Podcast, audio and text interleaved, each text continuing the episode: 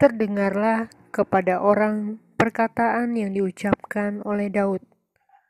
Lalu diberitahukanlah kepada Saul, dan Saul menyuruh memanggil dia. Berkatalah Daud kepada Saul, Janganlah seseorang menjadi tawar hati karena dia. Hambamu ini akan pergi melawan orang Filistin itu. Tetapi Saul berkata kepada Daud, Tidak mungkin kau dapat menghadapi orang Filistin itu untuk melawan dia. Sebab engkau masih muda, sedang dia sejak dari masa mudanya telah menjadi prajurit. Tetapi Daud berkata kepada Saul, Hambamu ini biasa mengembalakan kambing domba ayahnya. Apabila datang singa atau beruang yang menerkam seekor domba dari kawanannya, maka aku mengejarnya, menghajarnya, dan melepaskan domba itu dari mulutnya. Kemudian, apabila ia berdiri menyerang aku, maka aku menangkap janggutnya, lalu menghajarnya dan membunuhnya. Baik singa maupun beruang telah dihajar oleh hambamu ini. Dan orang Filistin yang tidak bersunat itu, ia akan sama seperti salah satu daripada binatang itu. Karena ia telah mencemooh barisan daripada Allah yang hidup. Pula kata Daud. Tuhan yang telah melepaskan aku dari cakar singa dan dari cakar beruang, dia juga akan melepaskan aku dari tangan orang Filistin itu. Kata Saul kepada Daud, Pergilah, Tuhan menyertai engkau. Singa dan beruang kan hewan buas Siapa mau berhadapan dengan kedua hewan itu? Tetapi Daud, karena dia dipercaya oleh ayahnya untuk menjaga kawanan domba milik keluarga, dia pun berani menghadapinya dengan seluruh tenaga dan kemampuannya. Kalau memelihara domba, itu tidak seperti memelihara kambing di sekitar kita. Kalau pelihara kambing, Si pengembala cari dulu rumput sebanyak-banyaknya, kemudian bawa pulang, dan kambingnya makan. Tapi di Israel, pengembala domba itu mereka membawa kawanan dombanya untuk mencari rumput segar hijau, dan itu dekat dengan air biasanya.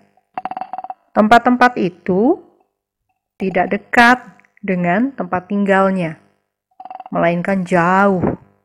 Sehingga memang penggembala itu berjalan bersama domba-dombanya berhari-hari dan mereka harus waspada karena melewati berbagai tempat termasuk hutan-hutan yang penuh dengan hewan buas. Jadi tepatlah yang diceritakan Daud pada Saul ketika dia bicara bahwa pekerjaannya penuh tantangan dengan menghadapi beruang dan singa. Saya membayangkan ketika kawanan domba merumput, Daud berkeliling mengawasi mereka dan melihat situasi. Ya, tidak ada dari satu pun dari mereka atau diambil oleh binatang. Begitupun ketika malam tiba, tidur kawanan dombanya saya yakin Daud jadi satpam. Dia ronda, berkeliling, menjaga, mengawasi sekitar. Dan apabila ketemu dengan beruang atau singa, dia tidak segan-segan harus menghadapi mereka, menghajar mereka, kan membunuh. Kok bisa? Bisa.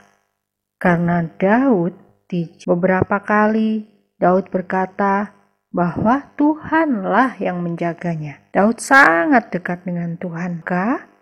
Tuhan pun senantiasa menjagai Daud dari segala macam mara bahaya. Ya, dalam Alkitab dikatakan Tuhan selalu menjadi orang-orang yang dekat dengan dia. Maka itulah yang membuat Daud yakin.